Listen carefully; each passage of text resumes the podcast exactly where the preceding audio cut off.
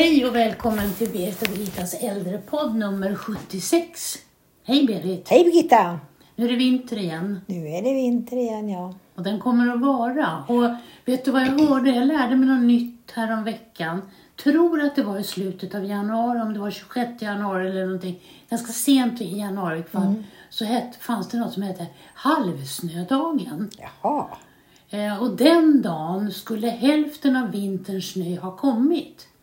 Och stämmer den, då har vi ju mycket snö att vänta. Ja. Eh, men nu är det ju så att vi har en klimatkris också.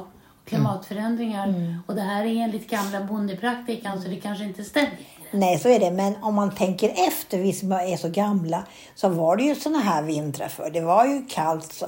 Jag minns när vi flyttade hit ut till det här huset för 30 år sedan. Så var det 27 grader över en vecka i, i januari, februari. Så att det var ju kallt och det var ju mycket snö.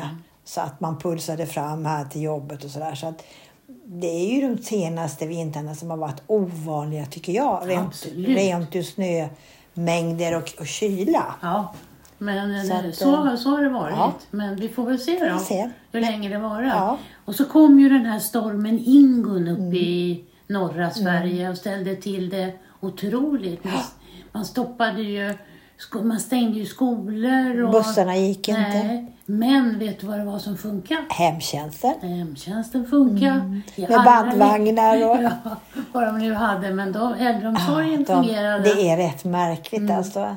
Jag brukar tänka på det också man, när man hade personal som ringde och sa att de var tvungna att vara lediga för att dagis, som det hette på den tiden, stängde. Eh, och då, då, då, sa jag alltid, den ena verksamheten kan väl inte vara viktigare än den andra.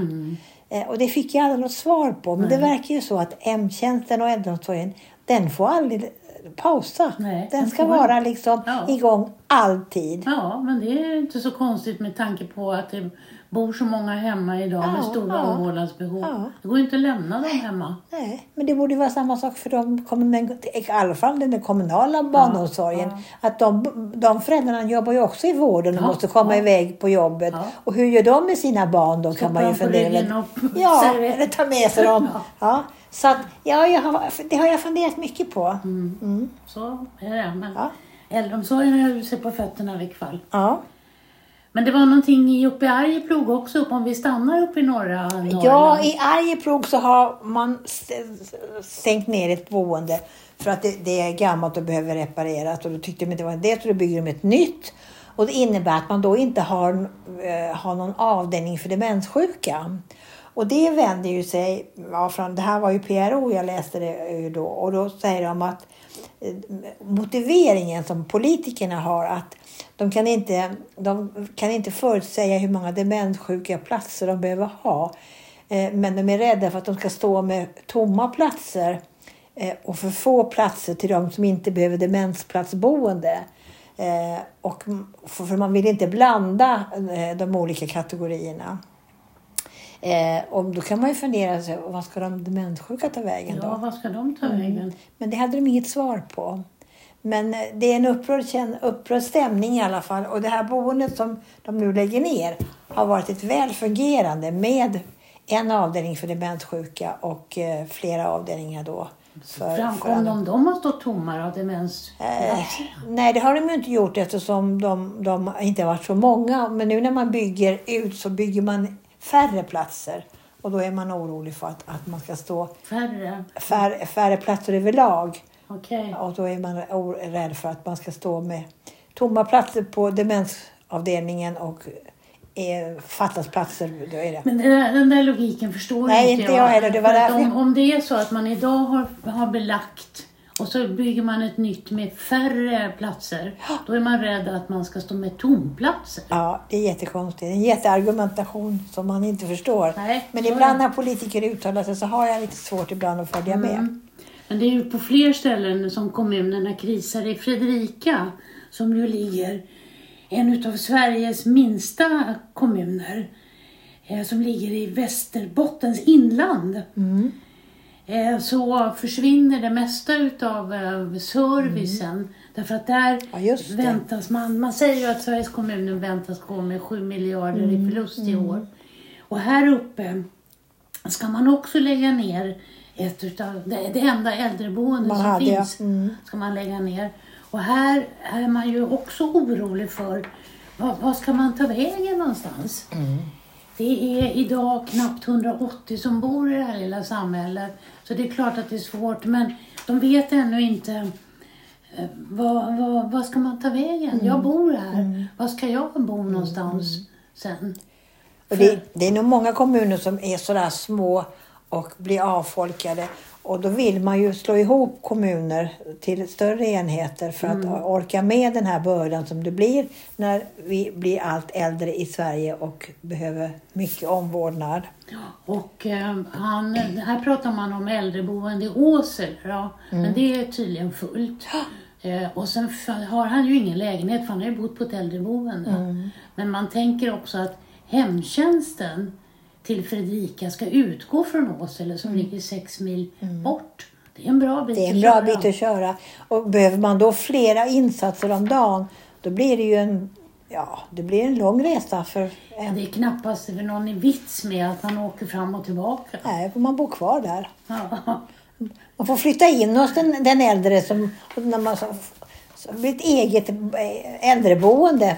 Ja. Privat. Ja, nej men det, så är det. Så är det, ja. Men det vi skulle prata egentligen om idag, det var eh, den här Dygnsvilan. dygnsvilan. Ja. Det kom ju ett EU-direktiv Precis. som ju sattes igång från 1 oktober. Eh, att dygnsvilan måste vara 11 timmar. Och sen var det, omfattade den då äldreomsorgen, den omfattar ju brand, alltså räddningsverksamheten, brandmän, ambulans. Eh, den omfattar eh, LSS-boenden och LSS, personlig Ja, assistans. alla, alla omsorg som har eh, 27, Ja. 24 eh, omsorger. Men från 1 oktober så var LSS och brandmännen undantag. De hade dispens, De ja. hade dispens fram till nu 1 februari. Så från och med nu så gäller det för dem. Och vad innebär det här då, Berit? Ja, det innebär ju att man inte får jobba dygnspass som det var tidigare. Till exempel om vi tar brandmännen. De, de jobbade ju 7-7. Alltså de jobbade i 24 timmar. Eh, och de kanske inte var i aktiv tjänst i 24 Nej. timmar men de var ändå, så att säga, de fick inte lämna arbetsplatsen. Eh, och samma sak var det ju då med, med LSS-boendena och eh, vissa äldreboenden också som hade det. Att man eh, jobbade långa, långa dygnspass. Och framförallt de som har personlig assistans Ja. också. Eh, och det får man alltså inte göra nu utan nu måste man ändra på arbetstiderna. Eh, och för personlig assistans gäller ju samma som för brandmännen. Man kan kanske jobba, det var, vi såg ett exempel där hon hade jobbat 26 timmar in, vad är hennes schema? På en vecka. Nej, 26 timmar, alltså i 24... Alltså på ett dygn ja. Mm. Eh, jag kanske började 10 på förmiddagen och slutade 12 nästa dag. Mm. Eh, och då ingick det ju också natten och då kunde de allra flesta sova. Mm. Men nu när man tar bort det här, man måste ha 11 timmars dygnsvila, passen får max 13 timmar. Mm. Då innebar det för hennes del nästan fördubbling av antalet pass under... Hon hade fem lediga dagar mot tolv tidigare, var det så? Ja, jag törs inte riktigt säga Nej. det. Eh, men någonting sånt. Mm. Det var mm, många pass, alltså många lediga dagar Mm, som försvann.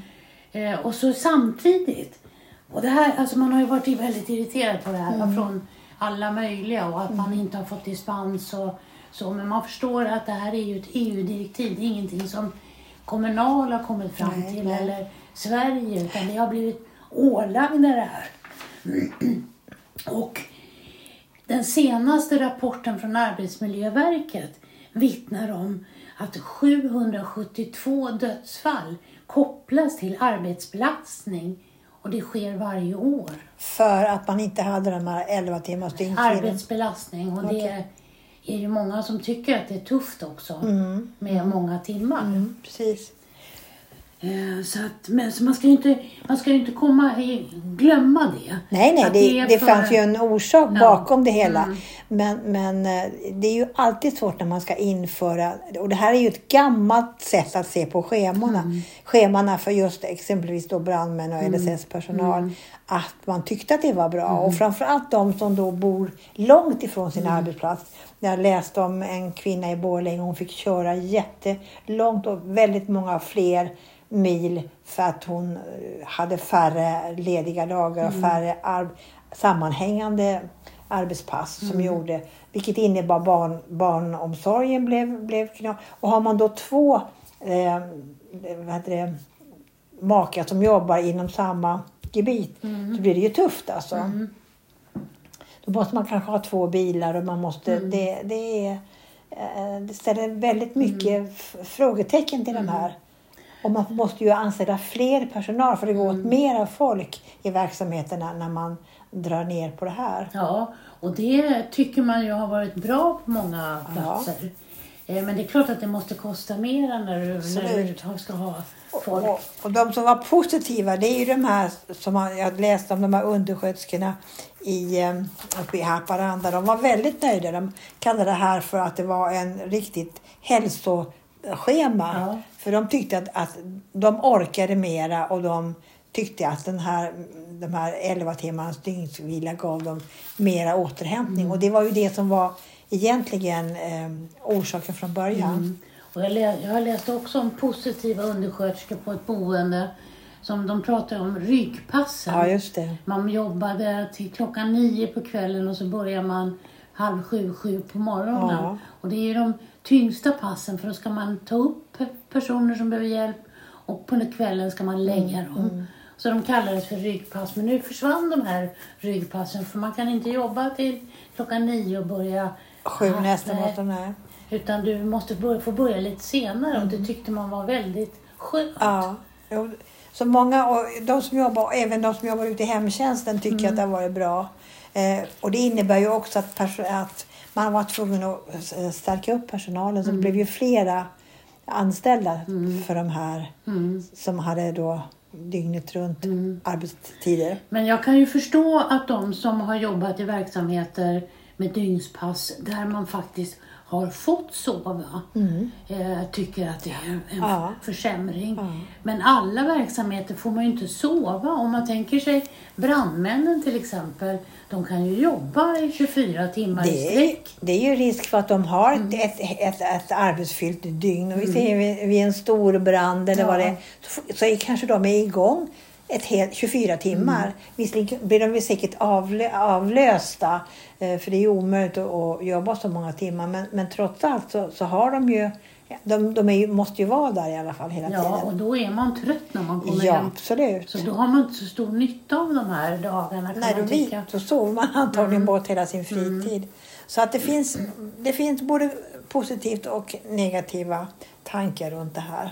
Mm. Men man ska komma ihåg att EU-direktiven kom till för att det skulle vara Bättre. bättre. Ja, precis. Eh, och det, det kanske det inte är för alla, men eh, för tillräckligt många Ja. kanske det är det. Ja. Mm. ja. Ja, men visst var som vi sa att eh, det här 772 personer som dör idag på grund av stress, det är en väldigt hög ja, det är siffra. det. Absolut. Det är det. Eh, och den måste vi ju ta hänsyn till. Precis. Ja, nej, så man får ju hoppas att det här, när det, när det har lagt sig och man har arbetat in det här och man kanske lyckas få till med personal, att, att det, det blir bra i slutändan. För det, vi har ju alltid pratat om att vi måste ha god arbetsmiljö Absolut. inom vården och det här är väl ett steg i den riktningen. Mm.